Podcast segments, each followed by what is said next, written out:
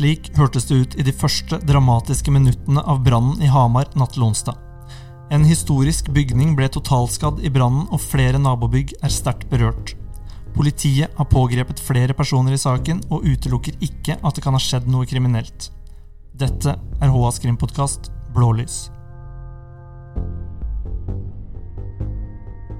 Det var et uh, tragisk syn som uh, møtte Hamars innbyggere i uh, krysset mellom Grønnegata og Vangsveien natt til i dag, Trond Svendsen.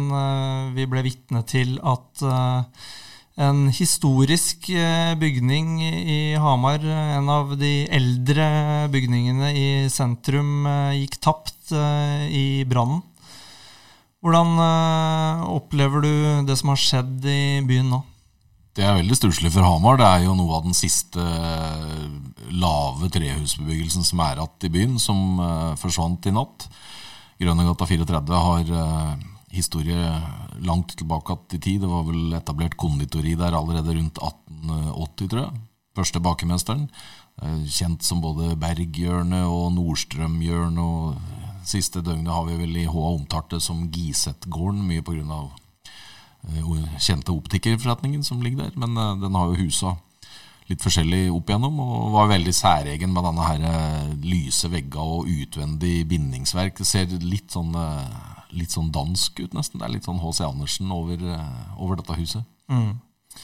Og det er uh, i dag uh, totalskadd.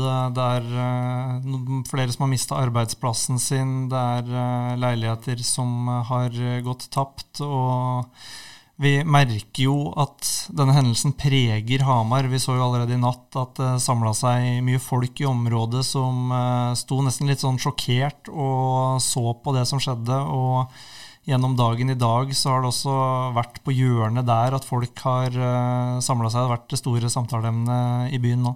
Branner i byer er en helt egen opplevelse. Uh, fordi at uh, For det første så bor det jo mye folk rundt der, men altså, mange går forbi der på tur til og fra jobb og skole og sånn hver dag. Vi kjører forbi der. Uh, dette er jo en bygning med et veldig distinkt utseende som veldig mange har et forhold til. Um, og nå har den jo mer eller mindre rast sammen. Uh, I hvert fall så er store deler av den uh, borte. Så uh, det endrer jo bybildet, og det er klart at det gjør inntrykk på folk. Mm. Det gjør det helt klart. Politiet fikk jo melding om brannen klokka 22.54 onsdag kveld, og de var jo på plass etter ganske få minutter, men da brannvesenet var der, så har de jo beskrevet at uh, bygget var overtent allerede. Og vi var jo der gjennom natta og fulgte med på det som skjedde, og vi så jo hvordan flammene etter hvert tok tak i taket, og at uh, taket mer eller mindre raste sammen underveis. Uh, det var dramatiske scener. Ja, og så er det det som uh, er med denne historien her, er at HA har en slik beliggenhet i forhold til hvor ting skjedde, at vi bokstavelig talt kunne løpe ned dit. Og det gjør at vi sitter jo på mye video- og bildemateriale fra veldig, veldig tidlige faser i brannen. Og jeg må nok innrømme det, Asgeir, at jeg tenkte mitt når jeg så eh, Fikk se de første bildene, når jeg så eh, at her er det et eldre trehus der det allerede er god fyr i toppen. Det er eh, ofte ingen suksesshistorie. Det sprer seg veldig fort i sånne bygg. også. Mm. Mm. Det, det, gjorde det jo også i natt, og brannvesenet var vel relativt tidlig klare på at prioriteten var å sikre at brannen ikke skulle spre seg videre til andre bygg, da de begynte å skjønne at den bygningen her hadde gått tapt? Det ser du ganske fort på de prioriteringene de gjør når de kommer dit med mannskapene sine. Altså, her har du et eh, hotell eh, vegg i vegg, eh, kun skilt av en teglsteinsmur bygd i 1918. Eh, og for alt det de vet, så kan det ligge masse folk og sove på andre sida av den muren. Eh, det er et ganske dramatisk scenario, det, i en, eh, i en by. Eh, og de vet jo at det ble evakuert folk fra det hotellet. ikke sant? Mm. Og, og, det er klart at det, det, er på hekta når det brenner med så tette skott. da, så at de prioriterer å prøve å berge mest mulig av rundt-liggende bebyggelse, det er en helt naturlig ting i en, i en slik situasjon der, du, der, varmen allerede har så godt tak i det huset at du ser at her det er, det er sjanseløst. Selv om ble nok lagt en betydelig innsats i å prøve å slå ned brannen så mye som mulig. Det er veldig viktig for dem å slå ned branner. Det har litt med etterforskningen å gjøre, f.eks. Prøve å finne brannårsaker. Er, jo mer som er igjen i en branntomt, jo bedre er det. Men, det, eh, men, ja, dramatisk. Vi så jo at det, til tross for at det var store mannskaper på plass, og de pøsa på med vann og alt de kunne gjøre for å slå ned flammene, så makta de ikke det på lang, lang tid. Det brant langt utover natta. Det ble jobba i flere timer mens flammene fortsatt sto opp fra bygget. Og det var først sent, sent på natta at uh, du ser at flammene i hvert fall tilsynelatende begynner å roe seg ned. Men samtidig så vet vi da at uh, Brannvesenet sier at det er mange hulrom som det brenner ja, ja. i. Det er, det er, helt sjanseløst dette på eldre bygg, for her har du uh, tømmer, fundament som er kledd inn og ratt bygd om både én og to og tre ganger. Og det er masse ganger og hulrom som, eh, som varmen kan spre seg i. ikke sant? Og forferdelig vanskelig utgangspunkt for brannvesenet å prøve å stoppe dette. Mm. Og um, du var jo inne på det, det ble evakuert en del uh, hotellgjester. Det ble vel sagt i går, de tallene som de hadde da, at det var, skulle være 45 gjester på hotellet. Det er det tallet vi har hørt, i hvert fall. Ja. mm. uh, for inne på hotellet så gikk jo også røykvarslerne. Vinden sto sånn at all røyken gikk nedover byen mot Mjøsa. Ja. Uh, hotellet skal ha vært ganske fylt opp med røyk etter hvert. og ja. det var nok ganske dramatiske scener der også, når det begynte å utvikle seg. Og så er det klart at For dem på Astoria så vil jeg tro at dette her får konsekvenser. Og at det ikke brått sikkert er at det bare kan gjenåpnes på dagen. Brannrøyk, sotpartikler er veldig standhaftige ting. Og det er klart når du får dette her inn i ventilasjonsanlegg, får dratt det rundt, får det inn i tapper, får det inn i sengetøy altså Kan godt hende at absolutt alt av det hotellet må vaskes ned og renses etter alle kunstens regler, og at det kan ta tid før Astoria er oppe og går igjen. Mm. Det er nok ingen tvil om. Men uh, etter den innsatsen som ble gjort av brannmannskapene på stedet, så klarte de i hvert fall til slutt å unngå at brannen spredde seg videre til det bygget. For det, da hadde vi hatt et helt annet scenario i dag hvis de ikke hadde klart å stoppe den på den brannveggen som er mellom de to bygningene her. Det fins noen veldig dramatiske bilder fra storbrannen på Østre Torg i 1935. Der, eh, den er jo kjent som posthusbrannen, annet. Det fins bilder av den både i HA sitt arkiv og i uh, Hedmarksmuseets fotoarkiv. Digitalt museum har bilder av det. Der, eh, der gikk jo på en måte en hel rekke med hus. ikke sant? For den gangen var jo bygd, altså bygårda, sjøl om de var bygd i stein og sement, så var det jo tak uten skiller, slik at det spredte seg i takkonstruksjonene på disse bygga. Og det spredte seg veldig fort. Så her hadde du en standhaftig gammel brannmur fra 1918 som sammen med stort fokus og noen hundre tusen liter vann, vil jeg tro, eh, gjorde jobben. Mm. Og så har du jo også På andre sida så har du to utesteder, Distrikt 23 og Sebs hotell, som holder til vegg i vegg med bygningen som brant. Og vi har jo vært en runde rundt kvartalet her nå for kun en liten stund siden. Og for det første så kjenner vi jo røyklukta over hele det området i eh, byen. Mm. Du merker veldig ja. godt at det har brent der. Og så når vi kommer opp til eh, spesielt da distrikt 23, som ligger i første etasje, så ser vi jo skadene som er innvendig der. Alle vinduene er eh, knust, det er helt nedsota innvendig. Mm. Det er betydelige skader også på det bygget. Hvis du lurer litt på hvorfor brannvesenets røykdykkere og folk alltid er så nøye på å bruke pustemasker. Så kan du gå en tur rundt det kvartalet nå og kjenne på åssen det lufter der. Altså Det er giftig svart sot og røyk som sniker seg inn overalt. Og for den tilstøtende bygningen på nedsida der med de to utestellene som du nevnte, så er jeg veldig spent på fortsettelsen, for å si det sånn. For det, der vil jeg tro det er eh, omfattende skader. Og Brannvesenet sa jo også i natt at uh, det brant også i takkonstruksjonen på det bygget. Så ja, og det, det ser du vel på bilder òg fra ja. brannen, at det lyser i taket på det bygget. Så det er klart at der har du både rene brannskader, sot, røyk, vann i det hele tatt. Mm. Mm. Så vi kan jo på mange måter si at det er flere nesten institusjoner da, som har uh, mer eller mindre gått tapt uh, i Hamar i løpet av uh, I hvert fall sterkt berørt. I hvert fall sterkt berørt, Og så får vi nå se hva historien eller framtida vil bringe da, i, i, forhold til dette her, og hvem som kommer seg på beina igjen hvor, osv. Men det er klart at her hadde du jo både uh, urmakerforretning og optikerforretning som lå på gateplan nede mm. der. Og der har det jo vært gjort en, gjort en jobb gjennom hele torsdagen fra de som driver de plassene med å berge ut eh, det som berges kunne. Her er det datautstyr med kundeopplysninger og, ting som kanskje er viktig for en daglig drift, for økonomi osv. for de næringsdrivende. Så her har det vært gjort en stor jobb. Mm. Og vi har jo sett Eh, på hvordan det her utarta seg. Vi var tidlig på stedet og har bilder fra tidlig i brannforløpet. En ting som har eh, merka seg, som vi har sett på bilder, vi har fått informasjon om det, og politiet har også bekrefta at det her er svært interessant for eh, dem. Det er to vinduer i andre etasje på bygget som brenner, som står åpne helt i startfasen av brannen. Ja. Hvor, hvordan tror du politiet går i gang med å undersøke den informasjonen. Jeg er helt sikker på at de har eh, gått gjennom eh, nettaviser ganske nøye i dag og kikka litt på bilde- og videomateriale. Ikke minst her i Hå. Altså var vi, vi, var ekstremt tidlig ute og har jo bilder fra før slokkearbeidet er i gang. Mm. Uh, og det viser jo, som du sier, Asgeir, to vinduer som står oppe med hver sin svarte røyksøyle ut. Uh, helt åpenbart tidlig i et brannforløp. Det er en brann som er i ferd med å få tak og utvikle seg. og så ser du jo på den ene videoen som vi har publisert, hva som skjer når, eh, når branngassa tar fyr og hele greia smeller. Eh, du får en eh, eksplosjon rett og slett oppe i andre etasjen der. Mm. Så mm, jeg vil tro at politiet, de som etterforsker dette her sånn taktisk sett, da, er veldig interessert i tidlig bildemateriale. For det forteller om noe om hvor brannen kan ha starta i bygget, og hvordan den har utvikla seg. Mm.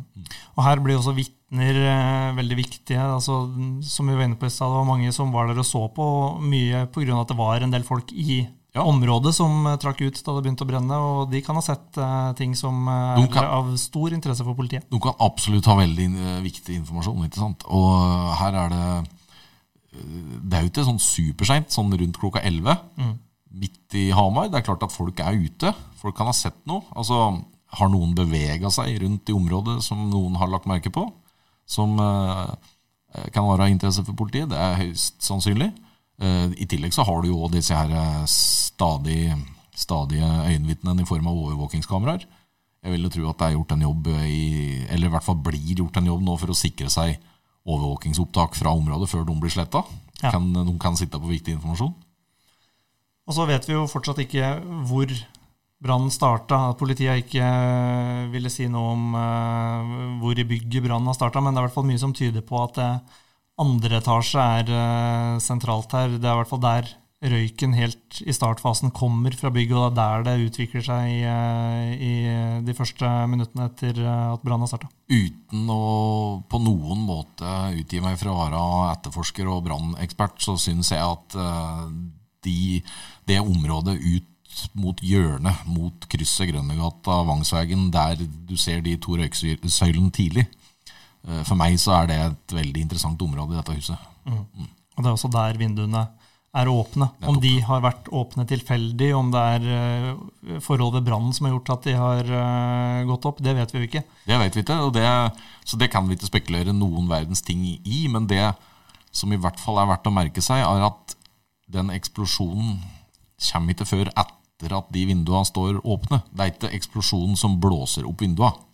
De står allerede oppe. Altså brannen har tilgang på oksygen. Og tilsynelatende så er ikke vinduene der knust, de er bare åpne. Så langt Jeg klarer, jeg satt og prøvde å studere det litt i stad, faktisk, og jeg la merke til at han ene, en av de tidligste som kom fra brannvesenet, han eh, satte eh, stråla fra slangen rett på det vinduet. Mm. Og, og, har trøbbel med å nå inn, for det, det ser ut som alle ruten, eller da blåser på en måte ruta att fra trykket av vannet, og, og, så returnerer vannet fra ruta. Så, sånn jeg ser det fra den videoen, da, så ser det ut som ruta er hel. Mm.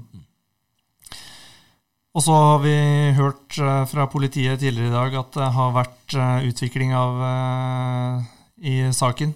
Både gjennom natta og på, i morgentimene i dag. Det har blitt pågrepet flere personer Politiet vil ikke si hvor mange, men eh, det er flere som nå er sikta for medvirkning til uaktsom framkalling av fare for allmennheten. Ja, det er en skikkelig juridisk term. Ja. Men eh, det tyder i hvert fall på at politiet på ingen måte utelukker at det har eh, skjedd noe kriminelt her. Nei, De har jo helt åpenbart informasjon ja. som gjør at, gjør at, det er naturlig for dem å gå til pågripelser. Uh, og da veit vi vel foreløpig ikke sånn kjempemye om de personene, om de eventuelt har noe tilknytning til bygget, eller uh, de, uh, hvor de bor, hva de gjør. Sånne ting. Det veit vi ingenting om. Så det får vi bare avvente litt og se hva som kommer ut av informasjonen Der. men jeg vil jo tro at altså når de går til en pågripelse så raskt, da ja. de, de, går til pågripelse mens det fortsatt puffer røyk ut av branntomta og Det er klart at det indikerer at her har de god informasjon om noe som gjør at det er grunnlag for å mistenke disse her. Og så er jo ingen eh, skyldige før, eh, før man er dømt, så en skal være forsiktig med å forhåndsdømme folk i sånne saker. Men det er klart at uh, politiet, når de pågriper personer i en så alvorlig sak så tidlig, så, så må de ha noe å gå etter. Ja, og det er jo også på det rene at det nok er på et så tidlig stadie er relativt uh, uoversiktlig også for politiets uh, del. De vil jo, som vi var inne på, ikke si hvor mange som er pågrepet. Og det begrunner de med at de skal avhøre de de har pågrepet først, og prøve å avklare om de kan ha hatt noen rolle i det, og hvilken tilknytning de har til den hendelsen her. Så de er jo åpenbart uh, på et stadig etterforskning her der de må bekrefte eller eh, avkrefte de hypotesene og teoriene de sitter på. Ja, det er veldig tidlig. Det er veldig mm. tidlig. Så her er det snakk om å prøve å skaffe seg en viss oversikt og, eh, over hendelsesforløpet og persongalleriet. Mm. Mm. Men den, den, delen av straffeloven de er sikta etter, sier også litt om hvordan politiet ser på den brannen her. Nettopp det at de er sikta etter eh, for uaktsom fremkalling av fare for allmennheten, som har et premiss i loven at det skal være en brann som eh, gjør at menneskeliv fort kan eller kunne ha gått tapt. Mm. Og politiet har også sagt at det, det, var et åpenbart farepotensial ved tanke på at det var hotellet som ligger rett sida for. Eh, det, det, kunne ha gått menneskeliv her. Sånn sett har det, vært, eh, har det gått bra. Det er helt innlysende at det har stort skadepotensial når du tenker på at det kan ligge et titalls, eller kanskje i verste fall et hundretalls mennesker på andre sida av veggen og sove. Så er det klart at skadepotensialet er veldig stort. Det er det jo ingen som helst eh, tvil om i det hele tatt. Så det, det, er, det, er, det er, en veldig alvorlig siktelse. Mm. Um, foreløpig så har vi ikke noe informasjon om at andre enn Innlandet politidistrikt som eh, jobber med saken eh, så langt, men uh, det har vel vært mer eller mindre innlysende at Kripos kan bli kobla inn her, bl.a. ved at de sender uh, inn eh, det de gjør av funn på brannstedet til tekniske undersøkelser. Men det, det, er vel også andre ting som Kripos kan eh, bidra med i slike saker? Kripos er, sitter jo på ekspertise både i taktisk etterforskning og eh, på, på alle plan egentlig etterforskning. Men en ting som vi ofte ser blir brukt, da, er jo disse her brannhundene som, som Kripos har som er bikkjer som er spesialtrent i å leite etter arnesteder i form da særlig da, brennbar væske. ikke sant? Uh, og så er jeg litt spent på hva de kan gjøre her, fordi at bygningen er så sterkt skada at jeg er litt usikker på om, om, de kan, om det er mulig å bevege seg opp i den eh, andre etasjen. Mm. Uh, vi har vel hørt i dag i hvert fall at uh, etasjeskillet mellom første og andre etasje er såpass intakt at det skal være et gulv, gulv der. Men om det er mulig for verken mennesker eller en, en hund å bevege seg opp dit, det veit vi ikke. Men Kripos har alle, hele verktøykassa. Ja. De har kunnskapen, og de har analyseverktøy, og de kan hjelpe lokalt politi taktisk og teknisk hvis de ønsker det. Mm.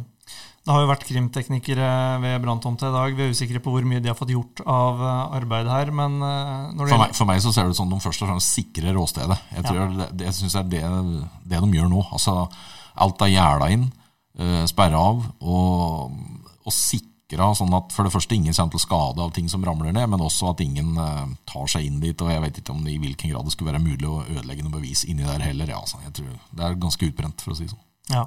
Og det er jo noe av det som er, eh, gjør branner så veldig vanskelig å etterforske. At eh, bevisa går jo opp i røyk, mer eller mindre, mens brannen står på. Ja, og det er det som er med brannetterforskning. At her går teknisk og taktisk etterforskning så hånd i hånd. og Da kommer vi igjen tilbake til for sånn som de bildene og den videoen vi har som er gjort på et tidlig, tidlig stadium, det er gullmateriale for etterforskere som skal prøve å på en måte peile seg inn på hvor i bygget kan dette her starte. For hvis du skal angripe en sånn ruin som dette her er nå, eh, sånn systematisk fra hjørne til hjørne, da har du jobben, for å si det på den måten. Men hvis du har en viss indikasjon på hvor du kanskje skal begynne å leite, så kan det hende at, at du har et bedre utgangspunkt da. Mm. Mm. Det vil de neste dagene og ukene vise. Vi var inne på at dette her preger Hamar. Det er bygninger som vanskelig lar seg erstatte Eh, hvordan eh, blir Hamar eh, prega i fremtida? Hvordan vil på en måte byen kunne endre seg som følge av en sånn hendelse? Mitt tips er at det som står der nå, bare er å rive. Jeg tror at det står at det egentlig bare nærmest en filmkulisse ut mot Vangsvegen. I form av fronten, den særegne fronten. Mm. Den tviler vel på at det er noe å redde. Kanskje kan det redde fronten. Jeg vet, For, for noen år tilbake så var det et sånn berømt, gammelt uh, trevarelager nede ikke så langt ifra Operaen i Oslo som brant. og Der klarte de faktisk å berge fronten på et gammelt hus og bygge opp et, nytt et eh, bak det.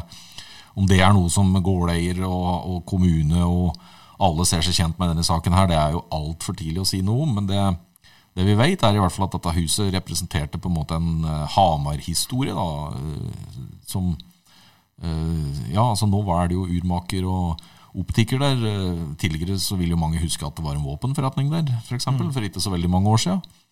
Eh, og det har vært konditori og, og sånne ting der. Så det er, det er, rikelig med historie eh, som har gått tapt, og et helt særegent blikkfang og hjørne i byen som, som, bort, som blir borte. Mm. Mm. Rett og slett. Det kommer til å sette spor i Hamar i lang tid fremover.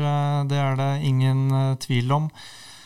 Eh, foreløpig så vet vi veldig lite mer om eh, hva politiet sitter på av informasjon, og om hva som kommer til å skje videre. Men eh, det er helt klart at vi kommer til å følge det her tett og oppdatere med det som kommer de, de neste dagene. Jeg tror vi skal runde av der. Takker for oss igjen herfra, Trond. Og så høres vi i en ny episode snart.